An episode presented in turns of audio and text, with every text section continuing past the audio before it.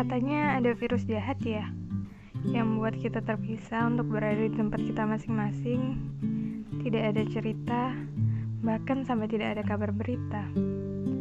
Kalau ada pun, ya gitu, canggung. Dan ternyata raga yang terpisah membuat kita menjadi orang yang berbeda.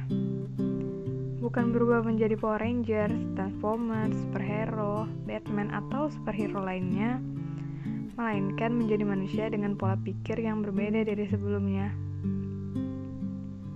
Karantina pasti akan membuat semua orang bosan, dan semua rasa bosan itu menjelma menjadi berbagai macam rupa. Mulai dari mereka-mereka yang jualan online atau yang hanya rebahan, yang jadi chef dadakan atau yang masak dibilang enak juga udah alhamdulillah. Bullshit sekali kalau saya bilang karantina ini membuat saya mengenal diri saya sendiri.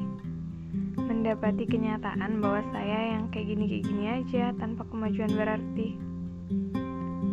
Masih menjadi orang yang ketergantungan, belum jadi orang yang punya keuntungan.